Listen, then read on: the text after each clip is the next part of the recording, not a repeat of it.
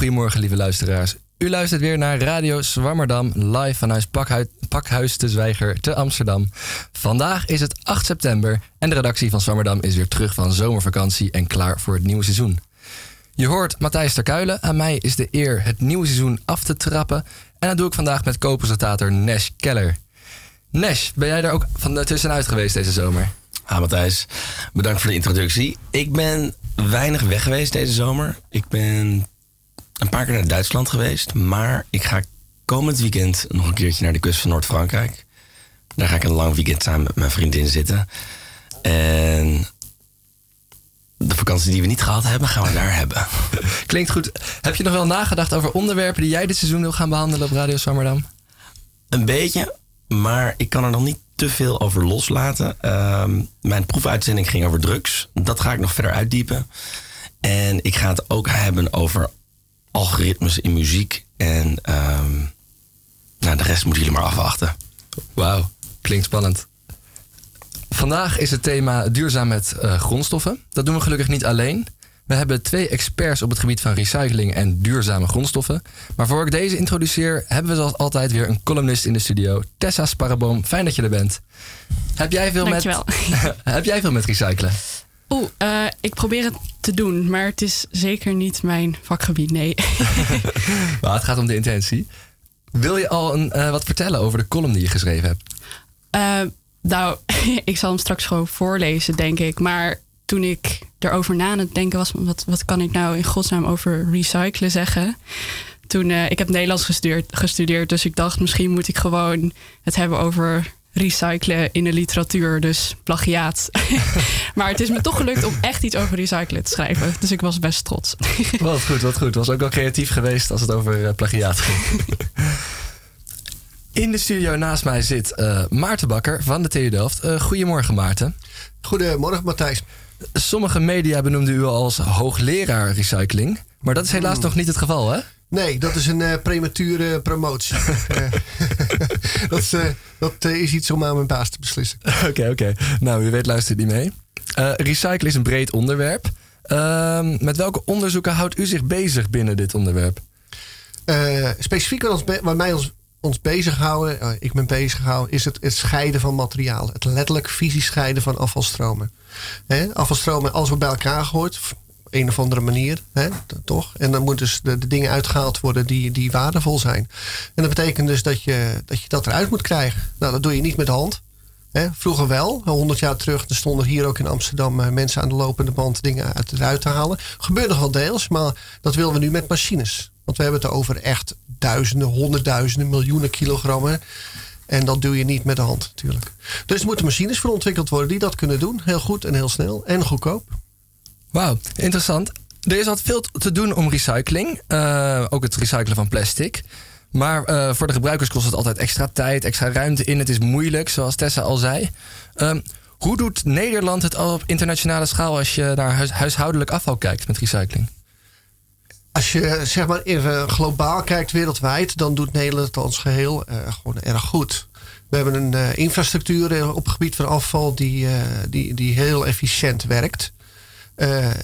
Er zitten ook wat, wat, wat, wat, wat nadelen aan. Het zijn veel kleine bedrijfjes die ieder op zich heel efficiënt werken. Maar als je naar een, een circulariteit wil, een, een, waar afval ja, een, een, een grondstof wordt, dan moet dat ook gaan werken als, als een, uh, net zoals in de olieindustrie en over andere primaire industrieën. Uh, moet het echt gaan werken als een, uh, als, als een supply chain. En daar moet nog heel wat van gebeuren. Dus, maar laat zo zeggen, Nederland doet het heel goed qua recycling. Maar het, het moet echt nog veel beter, willen we naar die circulariteit gaan waar we het allemaal over hebben. U noemt nu ook de bedrijven die het verwerken doen. Um, ik was ook benieuwd naar de, uh, de taak die op de, op de burger ligt, het, het scheiden zelf. Um, hoe, hoe gebeurt dat? Ja, begrijpt de burger hoe het werkt? Wordt er veel fouten nog in gemaakt? Nou, ik moet zeggen, um, kijk, het is, ik, ik vind het best wel ontzettend uh, hoe, hoeveel burgers daar heel goed scheiden. Want laten we wel zijn, uh, de, meeste uh, is geen probleem. 70% gaat goed, 30% niet. Dan vind ik al, nou, doet 70% van Nederland doet het goed. Nou, dat mag best wel eens gezegd worden, want er is veel geklaag. Maar daar moeten we ons op richten. Kijk, het lastige is, niet iedereen zal snappen wat hij in een bepaalde fractie moet stoppen. Mag nog zo'n chipzak er wel in of niet? En, en, en als je dat verkeerd doet, krijg je soms nog zelfs een boete van 90 euro, heb ik hier en daar gezien. Zoals in Gouda. Ja, dat zijn excessen. Uh, nee, het, niet iedereen zal snappen hoe het precies moet. Maar daarom hebben we ook altijd weer machines staan. die nog die laatste dingen eruit halen die fout zijn gegaan. Maar het moet niet te erg worden. En dat is even het lastigste. Stel dat je hebt een, een negen mensen die doen het precies goed. En een tiener die gooit er een afvalzak restafval bij. Ja, dan, dan verpest je het voor die andere negen. Dus dat is even het lastige. Mm, dat wordt vooral verpest als de machines dus niet goed hun werk doen. Eh. Nee, want als het echt te vervuild is, dan kan zijn machine er ook niks meer aan doen. Kijk, we kunnen wel machines uh, ontwikkelen die alles kunnen. Maar dan wordt het, afval, ja, dan wordt het onbetaalbaar. Dus dat is altijd de economie. Kijk, we hebben het over afval. Dat was vroeger dat, dat was niks waard. Dat was negatief. behalve natuurlijk, vroeger hadden we ook de voddenboer, de metaalboer. Die wist al dat er, dat er waarde in zat. En dat is nog steeds zo. Uh, maar uh, het, over het algemeen heeft het een, een, een, negatieve waarde. En daarom moet alles zo goedkoop mogelijk gebeuren. En die randvoorwaarden, daar, moet, daar zitten gemeentes ook mee en afvalbedrijven. hoe creëer je waarde uit afval? Dat is nog niet zo makkelijk. Dat is de grote vraag eigenlijk. Ik heb uh, over de waarde van afval heb ik ook een uh, fragmentje klaarstaan. En dat uh, fragmentje gaat dan over: oké, wat gebeurt er dan met jouw afval nadat jij het ingeleverd hebt en bij het recycle.com komt? Het is een TED-talk waarin Mike Biddle spreekt. Nee, sorry. Mike, jawel, Mike Biddle spreekt over recycling. If your stuff makes it to a recycler, probably over 90% of the metals are going to be recovered and reused for another purpose. The plastics are a whole other story. Well less than 10% are, are recovered. In fact, it's more like 5%. Most of it's incinerated or landfilled. Now, most people think that's because plastics are a throwaway material, have very little value. But actually, plastics are several times more valuable than steel.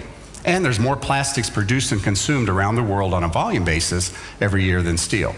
So, why is such a plentiful and valuable material not recovered at anywhere near the rate of a less valuable material? Well, it's predominantly because metals are very easy to recycle from other materials and from one another. They have very different densities, they have different electrical and magnetic properties, and they even have different colors. So it's very easy for either humans or machines to separate these metals from one another and from other materials. Plastics have overlapping densities over a very narrow range. They have either identical or very similar electrical and magnetic properties, and any plastic can be any color, as you probably well know. So the traditional ways of separating materials just simply don't work for plastics. Ik zag u tijdens het fragment al eventjes met uw hoofd uh, schudden. Het fragment stamt uit 2011, moet ik uh, zeggen. Ah, Is, okay. Hoe nou, zit het nu met de percentages van uh, plastic wat gerecycled wordt? Is het inderdaad 5 tot 10 procent? Nee, dat ligt in Nederland wel beter. Maar hij sprak wereldwijd en daar heeft hij helemaal gelijk in. Dus wat, wat hij vertelt over het algemeen klopt, klopt prima. Alleen technisch gezien in Nederland zijn we verder en we doen het ook wel beter. Nou, als u vraagt hoeveel wordt er gerecycled, is dat 30% of 50%? Dat hangt er vanaf met wie u spreekt en waarover we spreken. Uh, als je bijvoorbeeld hebt over verpakkingsplastics uit het huishoudafval, dan gaat het aardig goed. Uh, behalve bijvoorbeeld de dunne folies. Die zijn nog steeds lastig te recyclen. En, en uiteindelijk houden we altijd iets van de gemengde plastics over. Van allerlei soorten en kleuren. Uh, ja, dat is een stuk lastiger om daar iets wat nuttigs mee te doen. Waar, waarom is dat lastiger? Uh, zo zeggen, machines die zijn erop getraind om, om een soort kunststof eruit te halen. Bijvoorbeeld uh, polyethyleen, polypropyleen. En dan hebben we het PET hè, van, de, van, onze, van onze flesjes, waterflesjes. Ik heb hem meegenomen. En dan hebben we nog een soort uh, kunststof. Um, en daarna blijft er iets over. En dat is toch een mengsel van allerlei andere soorten. Maar ook uh, een machine haalt niet perfect alles eruit. Dus je houdt op een mengsel over. Dat is dus verschillende soorten plastics die je niet bij elkaar kunt doen, want dat mengt niet goed in het productieproces. Maar bovendien, ja, al die kleuren die je hebt, uh, die worden ook door elkaar gegooid. En je weet het, net zoals met verven, al gooi je alles bij elkaar, dan wordt het uh, bruin-zwart. Ehm, dus wil je ook weer kleuren terughalen, dan moet je eigenlijk ook kleuren gaan sorteren. Dat doen we nog niet, maar het kan wel. Maar het heeft een prijskaartje, begrijp ik. Dat heeft weer een prijskaartje, inderdaad. Dat is het uh, hele punt. Hij zei ook iets heel interessants over dichtheidsscheiding. Nu is het zo dat uh, mijn collega's die uh, hebben iets ontwikkeld voor dichtheidsscheiding. En met, met, met, met alleen magnetische vloeistoffen. En daarop kunnen we kunststoffen scheiden naar hand van dichtheid. En ook al is die dichtheid. Kijk, kunststoffen zijn, polypropyleen is 800 kilogram per kubieke meter, polyethyleen 930. Er zit wat verschil tussen, maar je hebt ook verschillende soorten polyethyleen. Maar deze dichtheid, uh, wij kunnen scheiden op, op 5 kilogram. Dus we kunnen dat heel dichtbij scheiden. Dus we kunnen hele pure stromen maken. Hoe, bedoelt dus dat u, werkt al. Hoe bedoelt u scheiden op 5 kilogram? Dat... Uh, als je twee soorten kunststof hebt, de ene is bijvoorbeeld uh, 940 kilogram en een andere soort is 950 kilogram per, per kubieke meter. Kubieke meter per precies. kubieke ja, meter. Okay, ja, ja, ja, inderdaad. Ja, ja, even naar de, naar de, eenheden toe. Dan, uh, dan kunnen we dat in principe scheiden. En hoe werkt dat? Gaat dat in een bad of wordt dat. Ah, nou, de technologie. Uh, ja, laat zo zeggen. Als je, als je iets in water gooit, hè, dan alles wat, wat zwaarder is dan water, dat zinkt en de andere drijft. Hè. Dat, is, dat is waterkracht en dat is water. Dat is Ja. wet voor Archimedes. Nu kunnen we met behulp. Nou, maar je wilt graag ook natuurlijk. Je hebt ook andere, andere materialen. Die wegen geen duizend, maar bijvoorbeeld 940. En je wilt 940 van 950 van elkaar scheiden. Dan moet je eigenlijk een soort water hebben. Even met quotes ook. Ik beweeg, ik bewoog zo even mijn vingers, quotes. Eh, die, dat bijvoorbeeld 945 kilogram per kubieke meter is. Nou, dat water, dat, daar red je dat niet mee. Maar er zijn vloeistoffen, daar kun je magnetische deeltjes in, eh, in oplossen. En door er een magneet eh, bij te zetten op de juiste manier... kun je effectief een dichtheid creëren die 945 is. En dan kun je het dus ja, gewoon laten zinken en, en, en drijven, bij wijze van spreken. Dat is het principe. En als ik het goed begrijp, in zo'n eh, eh, plastic recycle, faciliteit heb je dus verschillende baden met verschillende dichtheden om al die verschillende plastics eh, te scheiden. Want er zijn veel verschillende plastics, begreep ik. Ja, er zijn heel veel verschillende kunststoffen. Je kunt ze ook niet allemaal in één go doen. Dat zou veel te veel werk zijn. Dan moet je heel veel dichtheden creëren. Maar ja, dan gaan we nog even dat dieper. In principe is deze technologie geschikt om meerdere dichtheden te creëren. En dat moet misschien erg technisch worden, maar een magnetisch veld. En eh, je weet, als je een magneet hebt en je houdt een spijker boven en die beweeg je daarvan weg, dan wordt het magnetische veld heel snel zwakker. Dus met andere woorden, het effect van het magnetische veld, daar, daar zit een, een gradient in. En dat betekent dat de dichtheid dicht bij die magneet anders is dan er verder vanaf. Nou, als je dat weer gaat, slim gaat gebruiken, dan kun je in principe meerdere soorten kunststoffen in één run van elkaar scheiden. En we willen zelfs zover gaan dat op een gegeven moment eh, eh, dingen die zwaarder dan water zijn, zoals polycarbonaat en poly eh, en ABS, dat zijn dingen die in, in, in, in elektronica zo vaak voorkomt, om die te kunnen scheiden van bijvoorbeeld ook polyethyleen en polypropyleen, et cetera. Het klinkt als een super interessante business. Ik zit te denken, wij Nederlanders zijn vaak trots op hoe, ehm, hoe, vooruit wij, hoe vooruitstrevend wij zijn in technische oplossingen. Kijk naar ASML, techgigant. Ehm, dit, kan, eh, dit wordt waarschijnlijk in de toekomst een zeer eh, grotere business. Is het ook iets waar Nederland al eh, beter in is dan andere landen? Of zijn er juist andere landen die koploper zijn in het scheiden van deze kunststoffen? Nee, ik denk dat wij daar wel koploper in gaan worden. De, er is een fabriek, er is een, een, bedrijf die dat exploreert. Dat heet, mag ik dat na- naam noemen? Of? Ja, zeker, Dat, ja dat heet ja. UMC, Urban Mining Corporation. En dat is een spin-off van de TU Delft op deze technologie. En die wordt nu geëxporteerd door eh, slimme, slimme, slimme, en, eh, slimme en entrepreneurs. Ja, want het is natuurlijk niet alleen technologie, je moet er ook een business van maken. En eh, daar is al een fabriek en dat runt en dat zal wel toenemen. En sterker nog, buitenlanders proberen dat natuurlijk, natuurlijk ja, in Azië en zo direct te kopiëren. En dat is misschien maar goed ook. nou ja, het betekent dat het, dat het succesvol is. Maar ja, zult zien.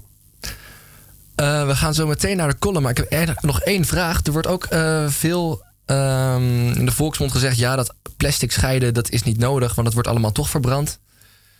Ja, dat, dat kan ik er niet eh, vaak genoeg herhalen. Dat, dat is niet het geval. Het, het is wel zo dat het nog niet perfect gaat. Je hebt de plastic heren waar alleen plastics worden ingezameld. is gewoon ontzettend duur. Dat is gewoon te duur.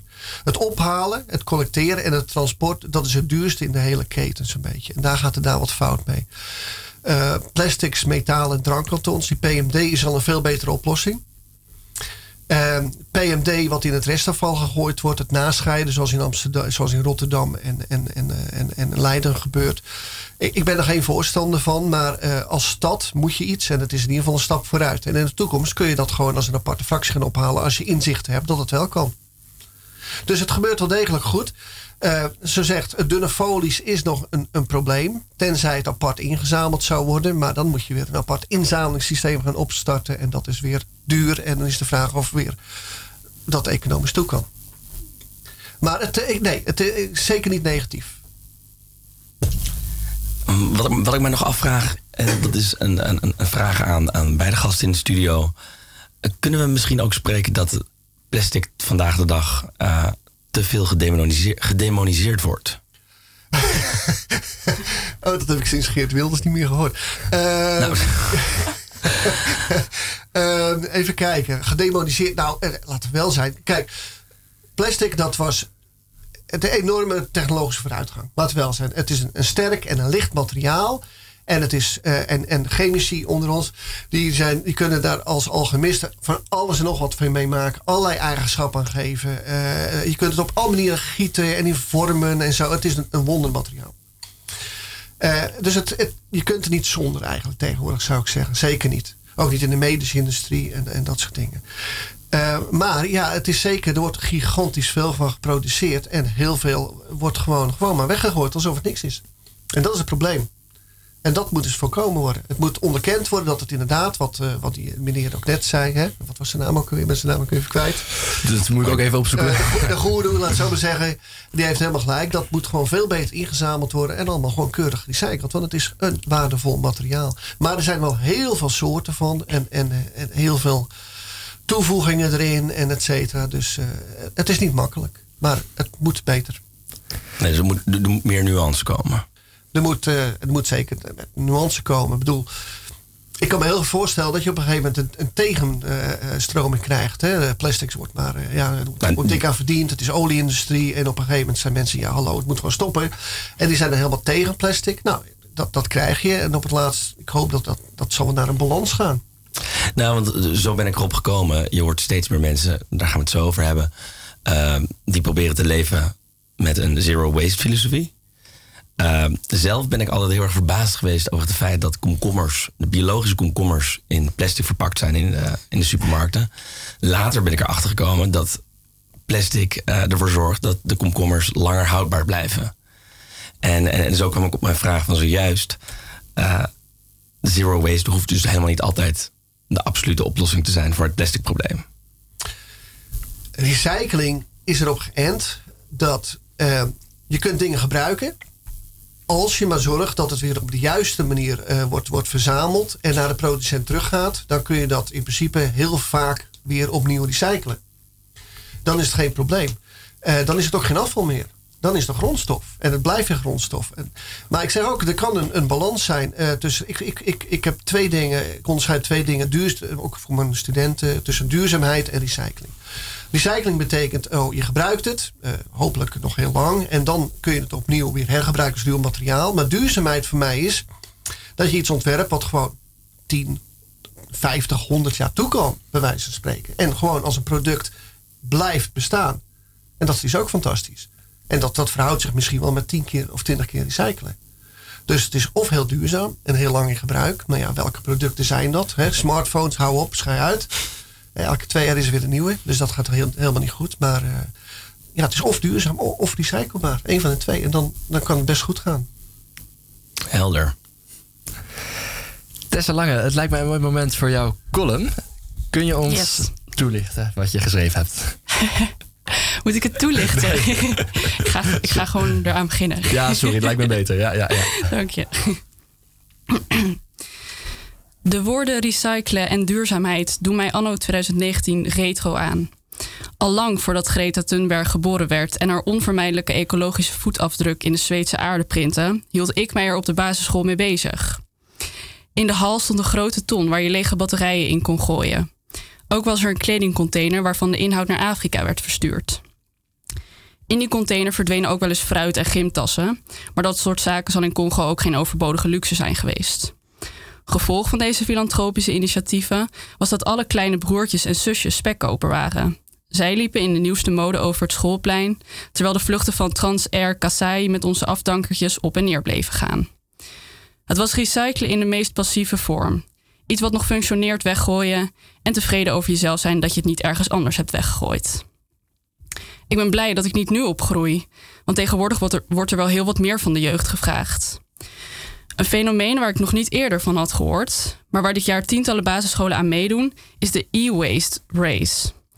Een wedstrijd die gewonnen wordt door de leerlingen die in vier weken tijd de meeste afgedankte elektrische apparaten weten in te zamelen. hielden mijn jaarlijkse verplichtingen op bij het verkopen van 30 kinderpostzegels. Tegenwoordig moeten kinderen de deuren langs om mensen ervan te overtuigen even hun televisie, printer en wasdroger af te staan. Het volstaat dan natuurlijk niet om te fluisteren dat het voor het goede doel is, of je moeder het woord te laten voeren terwijl jij je achter haar verstopt. Ik stel me voor dat deze kinderen eerst een week in training gaan bij de TU Delft. Waar ze niet alleen colleges van de Master Industrial Ecology volgen, maar ook leren zich te verdedigen als een PhD-student voor een promotiecommissie. Een van de deelnemers die inmiddels ruim 60 recyclebare grondstoffen in elektrische apparaten kan opnoemen, is Julian van 12. In een interview met Omroep Brabant, geeft hij een deel van zijn redenvoering weg. Er zitten allemaal stoffen in en die raken ook weer een keer op. Uh, dus het is, het is goed als dat opnieuw gebruikt kan worden. Een uitstekend begin, Julian. Pas wel op dat je, wanneer je iemand ervan wilt overtuigen zijn koelkast in te leveren, niet dezelfde fout begaat als Jesse Klaver wanneer hij pleit voor de sluiting van een kerncentrale. Ik gebruik dat ding toch nog, dus waarom zou ik het wegdoen? Misschien een nog veel betere tip. Vertel gewoon eerlijk waarom je niet binnen aan het Minecraften bent. U weet wel, die game waarbij je kubusjes grondstoffen moet delven alsof je de VVD bent die op Groningen inhakt. Schandaliger dan welk schietspel dan ook. De scherpe interviewtechnieken van de verslaggever van Omroep Brabant leggen de ware motivatie achter het activisme van groep 8 van basisschool De Goede Herder bloot. Nou, we doen het eigenlijk vooral omdat we het schoolreisje willen winnen. Precies. Ik kan deze pragmatische instelling wel waarderen. Een dagje weg in het voorjaar moet nog haalbaar zijn, maar over 30 jaar is deze aarde hoe dan ook kapot. Hoeveel stekkerblokken je ook ontvreemdt. Dat hoef je de Brabantse jeugd heus niet uit te leggen. Ik hoop van harte dat de goede herder wint. Dan zouden de luxe touringcars slechts een klein stukje moeten rijden naar de Efteling. Een park dat naar eigen zeggen zijn uiterste best doet om klimaatneutraal te worden. Met zijn one-liner papier hier probeert Hollebolle Gijs natuurlijk al jaren afvalscheiding bij de allerkleinste in het systeem te krijgen. Het zou beslist helpen als ze bij een nieuw ontwerp zijn mond modelleren naar La Bocca della Verita in Rome. Opdat hij kinderhandjes die er toch plastic snoeppapiertjes in stoppen meteen afbijt. Het is een wat vrede maatregel in tijden waarin er toch wel veel druk op kinderen ligt om iets voor het klimaat te doen. Ga je op de enige dag in de week dat er nog een juf of meester voor de klas staat, staken voor de planeet? Je wilt niet horen dat het koraal van de Great Barrier Reef is verdwenen omdat jij zo nodig je CITO-toets moest maken. Zodoende kan de jeugd bijna niet anders dan deelnemen aan de red race die het klimaatredden heet. Aan de andere kant, het zijn ook wel de kinderen die het ernaar gemaakt hebben. Ik kijk naar een tv-reclame van de American Plastics Council uit 1997. Vier dolenthousiaste youngsters presenteren de talrijke possibilities van plastic. They help save the soda, roept een jongen die van verbazing zijn beide handen tegen zijn wangen slaat. They can even help save toddlers from trouble, roept een joch wiens zusje met een plastic potje rommelt. And this vest helps save my dad, dad's life, zucht een meisje terwijl ze een man in politieuniform inclusief kogelwerend vest omhelst. Het enige kogelvrije vest van plastic dat ik online kon vinden bleek bedoeld als speelgoed. Maar deze vader wil het vertrouwen van zijn dochter in het police department natuurlijk niet verwoesten. De jeugd wilde plastic. Ze kreeg plastic. Zie maar hoe jullie het weer uit de zee vissen, jongens. Ondertussen zal ik braaf mijn lege batterijen en oude kleren blijven inleveren. Dankjewel Tessa voor je haarscherpe column. Graag gedaan. Er werd hier veel gelachen in de studio, maar eigenlijk is er, is er niks grappigs aan. Hè? Het is bloedserieus. Het is heel ernstig. Kinderen zijn de schuld van dit probleem. en zo'n Nesh aangaf dat uh, plastic gedemoniseerd wordt, zo wordt recycling ook wel op een voetstuk geheven tot extreme mate, waarbij je dingen afhandig gaat maken die nog prima functioneren. Ja, maar ik, ik moet zeggen, dat is ook wel echt waar. Dat ik dat. Dat is ook echt iets wat ik nog uit mijn kindertijd ken. Daar waren wij toen ook al mee bezig. Terwijl dat. Nou, ik weet eigenlijk niet of er een soort. Uh, of dat met pieken en dalen gaat. Maar ik moest meteen denken aan wat ik zelf op school moest doen. Het is misschien juist een goed teken dat kinderen daar al langer. Dat, het, dat, het, dat de oplossing dus ook al heel lang bij kinderen wordt gezocht. ja. Super, dankjewel. Um, we komen nu aan bij de tweede gast in de studio. Uh, Gertjan Gruter, welkom. Dank je. Uh, u bent bijzonder hoogleraar aan de uh, Industrial Science Chemistry. zo. Industrial Sustainable Chemistry aan de faculteit der Natuurwetenschappen, Wiskunde, Informatica aan de UvA en werk, werkzaam als technisch directeur bij Avantium. Kunt u beknopt uitleggen waarmee u en Avantium zich bezighoudt? Bij, uh, ja, bij Avantium en ook bij de, bij de UvA ben ik aan het kijken naar, uh, naar nieuwe materialen omdat uh, ja, we hebben net heel veel over recycling gehad. Maar een, een andere trend die, die eraan zit te komen... en die ook een hele goede oplossing zou kunnen bieden... voor alle problemen die we zien met kunststof... is dat we veel meer naar hergebruik moeten. Dat je niet een, een, fles na één keer gebruik versnippert en, en recycelt... maar dat je hem schoonmaakt en opnieuw gebruikt. En daar zijn wat betere eigenschappen nog voor nodig. En, en, en materialen ja, die je het liefst maakt uit, uit bijvoorbeeld biomassa omdat uiteindelijk, als je kijkt naar energie, zijn er heel veel verschillende alternatieven. Je hebt wind en zon en, en geothermie. En, maar voor materialen, voor koolstof heb je eigenlijk alleen biomassa als fossiel alternatief. Uh, en daar hou ik me mee bezig. En dan ook wat daar omheen zit, dus, dus recycling. En dan kijk ik ook naar chemische recycling. Dus als het mechanisch via smelten niet meer gaat, dan kan je ook terug naar de bouwstenen. En, en dan weer opnieuw ma nieuw materiaal maken. Um, dus dat zijn, dat zijn wel dingen waar ik me be mee bezig hou.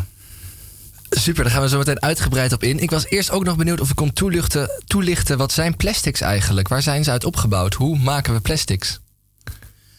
Ja, plastics zijn, uh, zijn lange ketens. Dus uh, we maken bouwstenen, monomeren, die reactieve groepen hebben en die we dus eigenlijk aan elkaar kunnen rijgen als een lange ketting.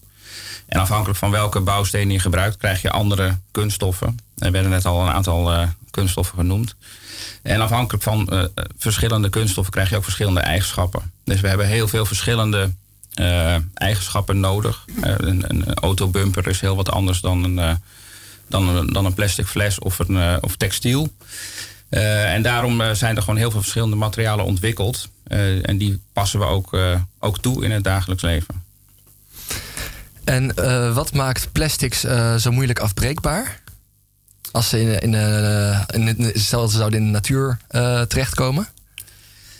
Um, meestal omdat het bestaat dus uit hele lange moleculen... die over het algemeen heel slecht oplossen. Dat is al één, één probleem. Het bestaat ook uit, uit alleen koolstof-koolstofketens... die, die niet zo makkelijk weer teruggaan naar, naar de bouwstenen, zeg maar. Um, maar sommige polymeren zoals polyesters. En dan afhankelijk van de, van de eigenschappen kunnen redelijk snel afbreken. U doet onderzoek naar bioplastics. wat is op moleculair niveau precies het verschil tussen bioplastics en andere soorten plastics? Ja, ik noem het, liever bio-based plastics. Want er zijn ook plastics die eigenlijk door organismen bijvoorbeeld worden gemaakt. Uh, of er zijn ook ja, biopolymeren, zijn eigenlijk polymeren die in de, in de natuur worden gemaakt. En bio-based plastics, dat zijn plastics die uit biomassa als grondstof worden gemaakt, maar die in principe hetzelfde kunnen zijn als de polymeren uit, uit olie. Dus we kunnen bio-based polyetheen maken. En dan is het precies hetzelfde polymeer. Dus dan zegt het eigenlijk niets over of het afbreekbaar is of niet. Oké, okay, ik had zelf begrepen dat ze ook biodegradable plastics zijn, maar dat is dus een heel, hele andere categorie ja, dat, hangt, dat heeft eigenlijk niets te maken met waar ze uitgemaakt worden. Je kan uh, uh, uit olie ook polymeren maken die biodegradable zijn. Uh, en uit biomassa ook. Maar je kan uit biomassa ook polymeren maken die niet biodegradable zijn. Zoals biopolyetheen of biopet. Um, dus daarom praat ik liever over biobased polymers. Omdat biopolymeren eigenlijk altijd wel afbreekbaar zijn. Dat zijn je DNA, cellulose, zetmeel. Dat zijn polymeren die in de natuur worden gemaakt en die uiteindelijk ook afbreekbaar zijn. En daar, door die misverstanden uh, is er ook heel veel verwarring, ook bij de consument, over, uh, over dit soort zaken. Dus, dus, dus, veel consumenten denken dat bio-based plastics biodegradable zijn. Um, en uh, ik werk ook samen met psychologie bij de UvA om, om te kijken naar inderdaad dit soort verwarring. En wat dat ook betekent voor, voor de consumenten. En mensen zijn ook geneigd om af te, af te gaan haken als het uiteindelijk allemaal te complex wordt. Dus dat is ook iets om, uh, om veel aandacht aan te geven. Bio-based bio plastics dus. En het grote voordeel van bio-based plastics ten opzichte van normale plastics is dan. Dat is dat, dat de koolstof, uh, ze worden gemaakt uit koolstof wat al boven de grond is. dus we, in plaats van dat we weer fossiele koolstof gebruiken, waardoor de, de, uiteindelijk de CO2 omhoog gaat, uh, gebruiken we het uit, uh, uit materialen die eigenlijk al boven de grond zijn. En de, de getallen zijn zo ontzettend groot. Hè. We maken bijna 350 miljoen ton kunststof per jaar. En dat groeit ook nog eens een keer heel hard. Dus de verwachting is dat dat maal 3 tot maal 5 gaat. Dus meer dan een miljard ton in 2050. En uiteindelijk wordt toch een groot gedeelte van, dat, uh, van, uh, van die kunststoffen komt in de, in de afval terecht en, en wordt ook verbrand. Dus dat levert ook gewoon weer CO2 op. Dus het zou heel mooi zijn als we in de toekomst uh, die materialen uit biomassa kunnen maken. En dat heeft ook nog een ander voordeel, omdat in biomassa we andere functionaliteiten hebben.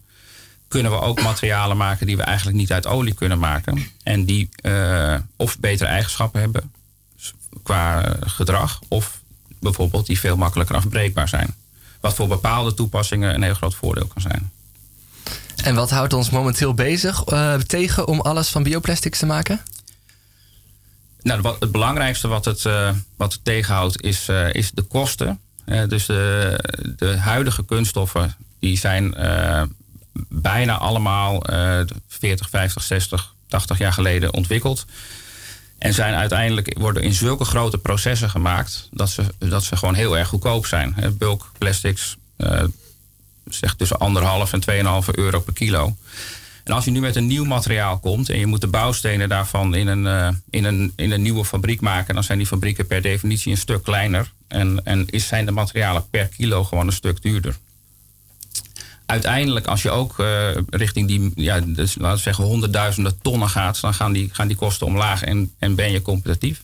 Maar het grote probleem is dat je in eerste instantie gewoon niet op kosten kan concurreren. En dan moet je eigenlijk kijken naar, kunnen we op performance concurreren? Want dan heb je wel een uh, mogelijkheid om die materialen in de markt te krijgen. Ja, precies. Want u, ziet u de toekomst van bio-based plastics uh, zonnig tegemoet? Ik zie het in principe zonnig tegemoet. Omdat er, uh, nou, wat wij ook hebben laten zien, wij zijn een materiaal aan het ontwikkelen bij Avantium. Dat, dat, heet PEF. Het lijkt heel erg op PET.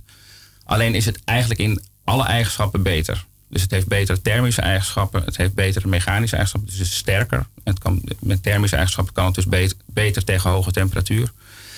Het heeft ook veel beter barrière-eigenschappen, dus de zuurstof blijft veel beter buiten de fles en de CO2 veel beter in de fles. En uiteindelijk, als het in het milieu terechtkomt, breekt het materiaal ook nog eens een keer af. En het is ook recyclebaar op dezelfde manier als PET. Dus dat soort, dat soort nieuwe ontwikkelingen. Uh, van materialen die specifiek uit biomassa komen. En die kan je eigenlijk niet maken uit fossiele grondstoffen. Uh, dat, dat geeft gewoon een heel groot voordeel. Vaak als het over de productie van uh, goederen of materialen gaat, dan gaat het ook over de CO2-footprint die erbij komt kijken. Nou, uh, normale plastics hebben gemaakt uit olie. Ze hebben dus een hogere CO2-footprint, neem ik aan. Is daar, wat, wat is de marge? Want bioplastics hebben natuurlijk ook een CO2, bio-based plastic, sorry, hebben natuurlijk ook een CO2-footprint. Ja, nou, er zijn twee aspecten aan. Eén is natuurlijk eh, de energie die je nodig hebt om het materiaal te maken. En dat gaat helemaal vanaf de grondstof via de bouwstenen, dus de, de monomeren, tot, tot de kunststof. En ook de kosten eh, om het te verwerken. Uh, en de andere uh, deel van de footprint is als het materiaal uiteindelijk verbrand wordt of afbreekt, dan wordt het weer CO2. Dus die twee dingen samen, die, dat is een belangrijk verschil. En aan de productiekant moet je dat dus vergelijken, wat, wat het verschil is. Maar de, de CO2 waaruit het materiaal is opgebouwd, daar heeft biobased materiaal natuurlijk het hele grote voordeel. En als je bijvoorbeeld PEF vergelijkt met PET, dan zit het ongeveer 60% lager in de overall carbon footprint. Mag ik vragen waarom er dan nog niet al veel meer enthousiasme is over uh, biobased plastics en, en, en de, de, de, dingen die jullie ontwikkelen bij Avantium? Um, nou ja, dat, dat is een vraag die we onszelf stellen. ja, wij zijn in 2006 begonnen met PEF. En uh, in 2007 hebben we eerst materiaal gemaakt, 2008 de eerste fles. Uh, dus dat, dat, is al dat is 12 jaar geleden. Uh, en inmiddels hebben we in, in de hele ontwikkeling daarvan meer dan 100 miljoen geïnvesteerd. En we hebben heel veel partners die allemaal het materiaal interessant vinden.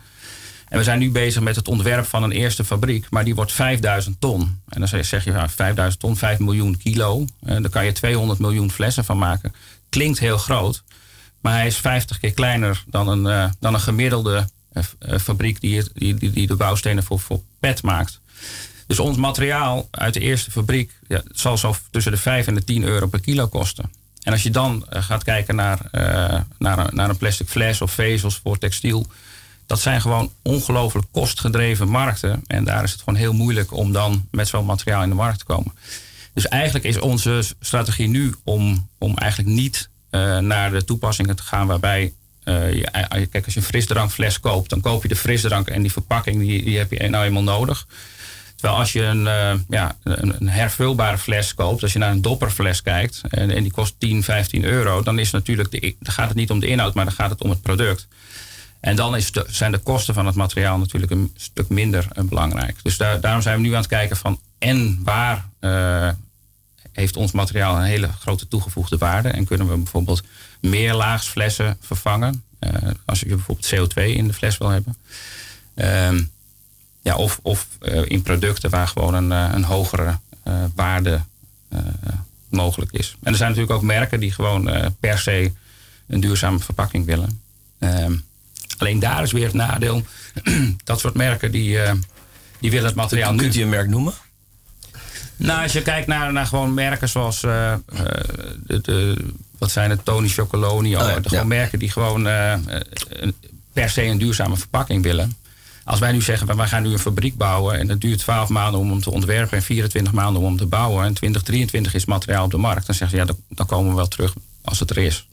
En zo heb je een beetje kip-ei uh, discussie. Uh, wij hebben eerst commitment nodig van partijen die het materiaal willen kopen voordat we 100 miljoen gaan investeren om een fabriek te bouwen. En aan de andere kant zeggen dat soort bedrijven vaak van ja, ik heb het materiaal nu nodig en 2023 dan zie ik het wel. Uh, wat er dan, wat en zo, dat, soort discussies, die, die zijn gewoon heel erg lastig. En, maar toch hebben we goede moed om nu uiteindelijk die fabriek te gaan bouwen, waar we, die we al heel lang willen bouwen. En uh, ja, de eerste stappen zijn, uh, zijn, zijn, daarvoor gezet. Ja, nee, dat is zeker een goede ontwikkeling. Ik moet jezelf zeggen dat ik uh, de maatregelen die ik wil nemen in, in, in, mijn plastic gebruik en vooral in het petflessen gebruik, is zoals jullie misschien zien, heb ik hier een, een flesje spa rood staan. En ik, ik hou zelf heel erg van koolzuurhoudend water. dus ik sta op het punt om, de, om een soda stream te kopen puur omdat ik thuis zo'n enorme verzameling aan petflessen heb ja. uh, van Spa. En uh, wat je eigenlijk zou willen is dat, dat, dat. Ik ben hier niet stiekem uh, reclame aan het maken. Maar dat je met een, een, een fabrikant als SodaStream. een ja. soort deal kan sluiten. Dat zij al jullie plastic gebruiken, jullie bio-based plastic. En dat mensen die vervolgens kunnen gebruiken om hun eigen fles te hergebruiken. Ja, dat, dat, dus het hervullen, zelf hervullen. Dopper is daar ook een voorbeeld van. Uh, en met een dopperfles gemiddeld voorkom je 25 petfles of zo. Daar moeten we uiteindelijk heen. Maar niet alleen daarvoor, maar ook voor je, voor je cola en voor. In Europa is er nu, komt er een verbod op single-use plastic. De eerste fase die gaat over twee jaar in. En dat zijn rietjes en bestek en bordjes. Die mogen gewoon niet meer single-use worden verkocht. Wel plastic borden die je in de afwasmachine kan stoppen, maar niet single-use. En er komt ook een tweede fase aan. Uh, vijf, jaar, vijf jaar daarna is de verwachting. Waarin ook single-use verpakking in de ban gaat. Dus dat betekent dat je gewoon voor al je uh, ja, flessen of na, naar de supermarkt gaat en ze daar zelf vult. Of dat je al je flessen inlevert voor, voor hergebruik. Dus dat ze schoongemaakt moeten gaan worden. En dat is een hele goede ontwikkeling. Want al het kunststof in het milieu uh, is, is voor een heel groot deel is dat single use. Hè? Dus dat, dat, waar, de, waar eigenlijk de verpakking er niet toe doet. En waar dat dus ook heel makkelijk weggegooid wordt. Terwijl als je een, uh, een verpakking hebt waarmee je zelf uh, en je hagelslag en noem het allemaal maar op in de supermarkt kan hervullen, dan, gaat het, dan is het een product. En dan wordt het niet zomaar meer als waardeloos weggegooid. En uiteindelijk, na gebruik, moet het ook weer gerecycled worden. Uiteraard, uiteraard. Er zijn uh, veel manieren waarop je zelf in je dagelijks leven je uh, CO2, CO2 footprint kan uh, verminderen. Ik heb nog een fragmentje klaarstaan van Nikki en Jessie. Zij zitten achter het Zero Waste project en ze vertellen hoe zij Zero Waste proberen te leven. Ja, we begonnen eigenlijk als een soort van uitdaging. Toen hadden we bedacht voor onszelf, we gaan 30 dagen zonder afval leven. Nu halen we heel veel bij de verpakkingsarme supermarkt. Als je gewoon naar een reguliere supermarkt gaat, ja, dan moet je vooral kijken naar de groenten en fruit die in het seizoen zijn. Die zijn vaak onverpakt. Sommige dingen zijn ook heel erg makkelijk. Net als bijvoorbeeld je brood halen in je eigen zak. Dat kan ook in de supermarkt of bij bakker. Waar je nu je brood koopt, daar kun je het zeg maar ook in je eigen verpakking kopen. Dingen die we zelf maken zijn bijvoorbeeld deodorant. Nou ja, dit is dus echt een beetje een crème die je gewoon uitsmeert onder je, onder je oksels. Hier hebben we wat droog shampoo. Wasmiddel maken we ook zelf van kastanjes. We kunnen wel gewoon nog steeds afhaaleten halen. Alleen dat doen we gewoon in onze eigen bakjes. Ook met het afhaaleten, dat heeft echt wel heel lang geduurd voordat we het echt durfden. Die drempel was echt, echt gigantisch. Tot we op een gegeven moment dachten, ja, we hebben nu gewoon echt heel veel zin in, weet ik veel, wat was eerst? Volgens mij was het eerst Chinees. Chinees, ja, dat weet ik echt. gewoon echt super veel zin in. We doen dit gewoon. Die hele zaak zat vol met mensen. En wij kwamen daar echt zo, oh, mag het misschien? En zei, oh natuurlijk, minder plastic, supergoed. Het zouden meer mensen moeten doen. En wij zaten echt, wat? Veel enthousiasme dus voor deze Nicky en Jessie. Zij nemen zelf de verantwoordelijkheid voor duurzamer gebruik van grondstoffen. Uh, dan heb ik een vraag voor beide gasten. Bij wie vinden jullie dat er meer verantwoordelijkheid zou moeten rusten? Is dat inderdaad de uh, consument? Of zeggen jullie, ja, bedrijven, overheid, jullie uh, hebben hier ook jullie bijdrage in? Ja, ik denk alle drie. dus de consument kan een heleboel doen. alleen er is op dit moment niet heel veel keus. dus dat, dat, dat, moet komen. Maar, en ik vind eigenlijk dat een fabrikant... die moet gewoon verantwoordelijk blijven voor de verpakking die hij kiest. Er zijn fabrikanten die kiezen verpakkingen die gewoon onrecyclebaar zijn. In, ieder geval onrecyclebaar voor hun eigen product. Uh, dus je kan het altijd uh, in, in, in, een kraker gooien en weer opnieuw het chemisch recyclen. Maar eigenlijk vind ik dat een, dat een ja, fabrikanten gewoon verantwoordelijk moeten zijn voor de verpakkingskeuze die ze maken. en dat ze het daardoor weer zelf kunnen, zouden moeten kunnen hergebruiken. En uiteindelijk denk ik dat er heel veel van de van de regelgeving vanuit, uh, vanuit de overheid. Uh, en support voor het introduceren van, van nieuwe programma's vanuit de overheid uh, zal moeten komen. Maarten Bakker, hoe ja. denkt u hierover? Uh, soortgelijke mening, maar ik vind dat er wat. kijk, om het bij de consument neer te leggen. Ehm, de consument is een beetje een, een, een onbeheersbaar iemand, zeg maar. Uh, en, en die wordt toch gedreven door de keuzes waardoor hij, waartoe hij verleid wordt en, en, en gedwongen misschien wel. Uh, wat dat betreft uh, zie ik veel meer in om de verantwoordelijkheid nog meer bij de fabrikanten te leggen. Maar ook bij de retail, bij de supermarkten die uiteindelijk de dingen presenteren zodat we die willen kopen. Uh, dat betekent natuurlijk dat ergens kosten moeten worden gedragen. Ja, dat, dat zal gewoon doorberekend worden moeten in, in, producten. En, en als een producten duur worden omdat er een dure verpakking zit, nou, dan ga je het niet meer kopen. Dus je krijgt automatisch wel een, een marktmechanisme dat gaat werken. Um, maar ik vind wel dat de kosten moeten doorgerekend worden. Dat is gewoon iets. Dingen worden gewoon duurder. Ja, tenzij, tenzij we daar verstandiger mee om kunnen gaan. Dus ik denk dat er daar meer gezocht moet worden. Uh, de producenten hebben natuurlijk wel degelijk uh, dragen bij aan het recycleproces. Hè. Er is een verpakkingstax. Uh, dat, dat via de, een aantal instanties wordt doorgegeven aan de recyclingwereld. Maar dat is een peanuts op dit moment vergeleken met wat wij allemaal betalen aan, aan belasting voor het verwerken van ons afval. En dat zou wel verbeterd kunnen worden nog. Ja, wat consumenten betreft ik vind, ik vind niet zozeer dat je zegt van nou, de consument is eigenlijk verantwoordelijk. Maar ik denk wel wat heel interessant is, is dat de consument eigenlijk ook de power heeft. Als de consumenten uiteindelijk afdwingen dat ze het anders willen. En, en wij zien de laatste twee jaar dat dat nu begint te komen. Er is een, een soort, soort schuldgevoel bij consument en, en ook een bereidheid om wat te doen. En dat is ook gewoon, dat zien wij zeker als een mogelijkheid om, uh, om uiteindelijk dan ook via de consument het verschil te kunnen maken. Dus, eh, consumenten moeten uiteindelijk uh, de keuzes hebben. Waardoor ze inderdaad de, de minder sustainable en, uh, en uh, duurdere verpakkingen gewoon, uh, gewoon links laten liggen. En gaan voor een, voor een duurzame oplossing. En als een consumenten dat eenmaal gaan doen, dan volgen de andere leveranciers ook. Want ze kijken echt ongelooflijk naar elkaar. En ze zijn als de dood dat uiteindelijk dit soort dingen ja, dat consumenten massaal uh, naar andere producten gaan. Maar dat is een heel logisch mechanisme. Maar je ziet dat het uh, wat betreft afval en verpakkingen nog niet helemaal zo goed werkt. Wel, wat je ziet bijvoorbeeld is bij biologisch. Hè, je zit dan vegetarisch in de supermarkt. Zie je opeens opkomen. Het is opeens een, een, ze kunnen er mee aan verdienen. Dus je ziet die schappen gewoon uitbreiden en die keuzes. Eh, verva- vleesvervangers wordt ook heel populair. Maar het is iets wat door de supermarkten ook enzovoort wordt gedragen. En dan, volgt de consument en die is er blij mee. Maar dat de consument iets wil en dat de supermarkten daarop ingaan en, en de producent, dat is een, voor wat betreft afval en verpakkingen, lijkt wel een veel moeizamer proces.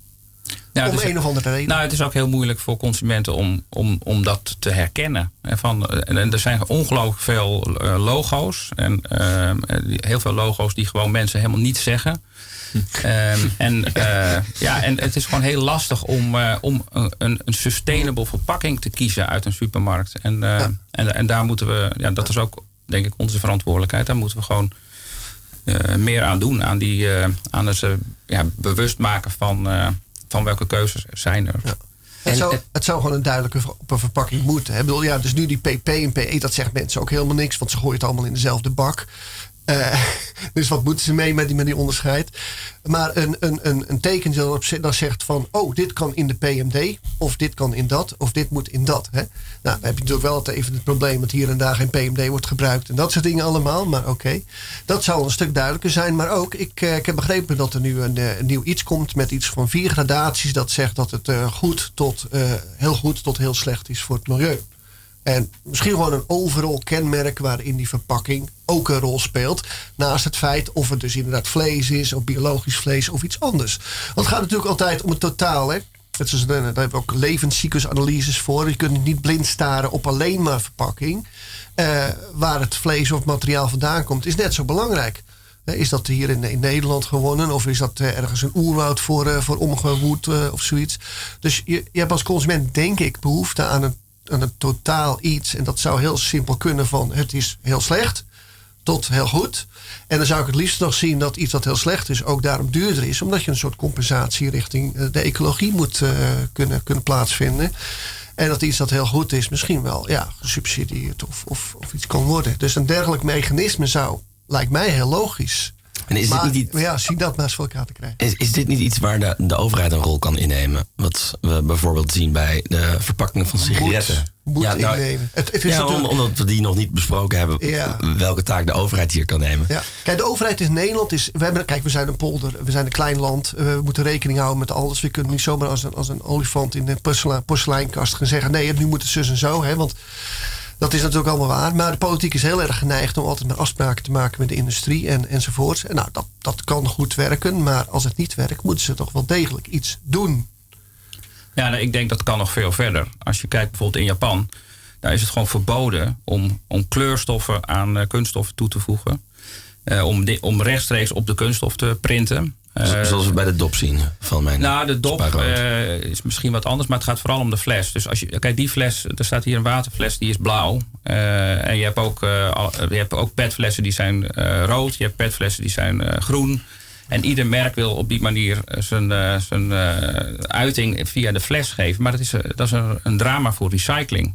Dus het is veel beter om de fles gewoon helemaal kleurloos te laten. En dan je, ui- je, je marketinguiting via, dat noemen ze een sleeve. Dus, dus eh, iets wat daar omheen zit. En dat kan papier zijn of dat kan ook eh, een andere kunststof zijn. En in Japan is het zelfs zo dat, dat er een soort ritsluiting zit in de sleeve. Zo'n zo'n kartelrandje. En dat de consument zelf eh, dat al eraf eh, trekt.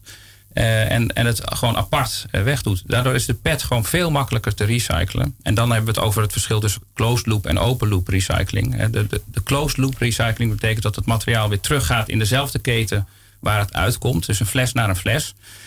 En als je dan wereldwijd kijkt naar hoeveel er closed loop gerecycled wordt, is dat maar 2%. Dat is echt een schrikbarend laag getal. Omdat gewoon de kwaliteit van het materiaal, door, dat, door alles wat we eraan toevoegen, gewoon het eigenlijk onmogelijk maakt om in dezelfde loop weer, eh, weer te recyclen. En daar kan de overheid denk ik gewoon een hele grote stap in nemen. Want het, het is in zelfs in Nederland, ook al doet de rest van Europa dat niet, zou je prima kunnen zeggen van we willen geen, eh, geen, geen kleurstoffen meer toevoegen aan de fles. Nee, nee, eens. En ik begrijp dat die closed loop eh, vooral in petflessen zit. En dat de Bijna overige al- alleen maar 98%. pet. Ja, ja. Ja. Maarten, in eh, het voorinterview wat wij nog hadden, sprak u ook over een andere rol die de overheid zou kunnen vervullen. Namelijk, eh, u zei ja, er zijn heel veel clubjes, heel veel bedrijfjes, heel veel eh, ja, ehm, eh, faculteiten die zich bezighouden met recycling. maar die communiceren niet via één centraal medium of die uh, zijn versplinterd. Um, heb, heb, ik dat goed uh, samengevat? ik, ik, ik, denk dat ik weet waar je naartoe wilt. Um, ik, ik, had erover, kijk, uh, elke onder, maatschappelijke ontwikkeling uh, wordt in de regel ook ondersteund door een, door een wetenschappelijke basis. Hè. De, de scheikunde, de mijnbouw, de, de, thermodynamica. Het zijn allemaal, allemaal dingen die, die ondersteunen maatschappelijke grote ontwikkelingen. En een wetenschappelijke basis hoort hoor daarbij. Um, nu is het zo dat in, in het afval, uh, dat is altijd gedragen en, en gedaan door uh, het bedrijfsleven. Daar is het altijd voor gedaan. En de overheid die vond het prima en dat is altijd goed gewerkt. Maar willen wij echt naar een circulaire economie toe, dan, dan wordt het een, een veel ingewikkelder supply chain waar we het over hebben. Waar mensen veel meer moeten samenwerken, waar informatiestromen op gang moeten komen, ICT-oplossingen. Uh, net als in, bij primaire materialen enzovoorts. Hè. Je moet weten wat je hebt, wat zit er precies in, wat kun je ermee, wat kun je er niet mee. En daar hoort er ook een marktmechanisme bij van vraag en aanbod en, en dat bepaalt dan de prijs. Nou, zo, zo werkt dat niet helemaal in de afval. Het is één op één. Het zijn kleine bedrijven die, die, die kennen vaak alleen maar hun eigen business. Uh, tot op een zekere hoogte. Ze weten wat er binnenkomt, eruit gaat. Ze weten hoe ze daarmee geld moeten verdienen. Maar wat er verderop in de keten gebeurt of terug, dat is voor hun ook vaak een beetje een vraag.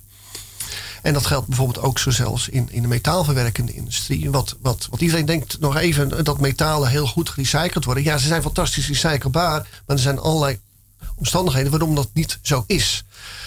Um, dus om dat allemaal te professionaliseren, dat, dat neemt een enorme uh, investeringen, een enorme verandering van, van attitude van, van die hele industrie, die op dit moment hun werk goed doet, maar het moet heel anders. Kortom, dat is een enorme maatschappelijke ontwikkeling. En wat ik zou graag willen, is dat ik zie dat, dat mijn collega's bijvoorbeeld, die, die veel weten van, van, nou ja, van, van, van, van de scheikunde, van, van de hydrometeorologie, van, uh, van de mijnbouw, die bezig zijn met tailings, uh, van, van ontwerpen, van, van bouwen, circulair bouwen. Die zijn allemaal verspreid over verschillende faculteiten, verschillende universiteiten. De expertise zit overal en nog wat. Uh, ook van bestuurskunde, dat soort dingen. Dat zit er wel veel meer bij Erasmus. Dat zou eigenlijk op een bepaalde manier ja, toch gebundeld moeten worden om, om slagkracht te krijgen. Om ondersteuning te geven aan dat hele complexe fenomeen van de circulaire economie. Circulariteit is al moeilijk van materialen. dat kun je voor sommige materialen wat makkelijker doen dan andere. met bestaande infrastructuur en, en bedrijfslogistiek. Maar om echt naar de circulaire economie te gaan, dat is een enorme verandering. En daar horen allerlei disciplines bij. En hoe dat te bundelen, dat is, ja, dat vind ik een, een, een, een dat heeft aandacht nodig, vind ik. En dat zou georganiseerd moeten worden. Dat kan via een instituut of weet ik veel. Er zullen mensen, ja, dat zijn al instituten. Ik, ik merk er nog niet zoveel van dat ze slagkracht heeft om aan de maatschappij ondersteuning te geven met waar we naartoe moeten. Dus ik krijg ook allerlei vragen, ook vanuit voor example de bouw, hè, de constructeurs.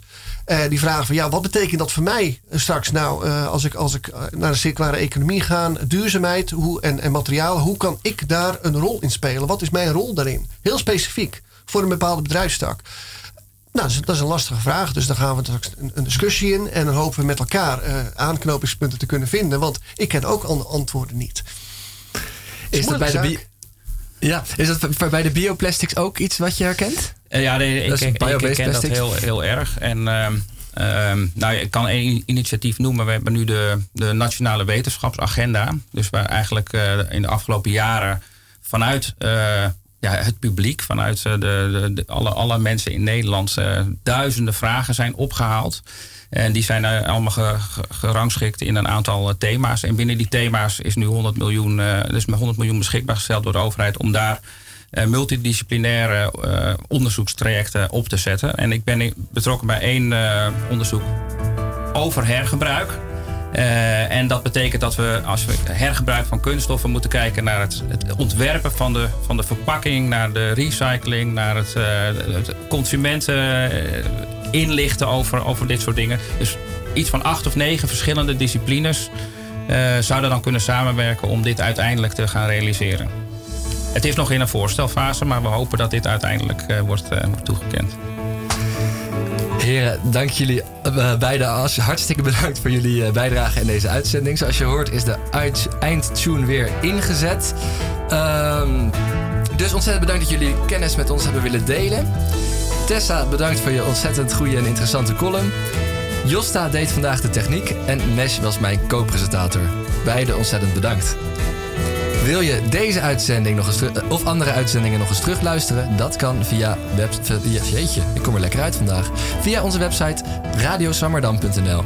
Ook kon je ons gewoon vinden via Spotify, Soundcloud en op Apple Podcast.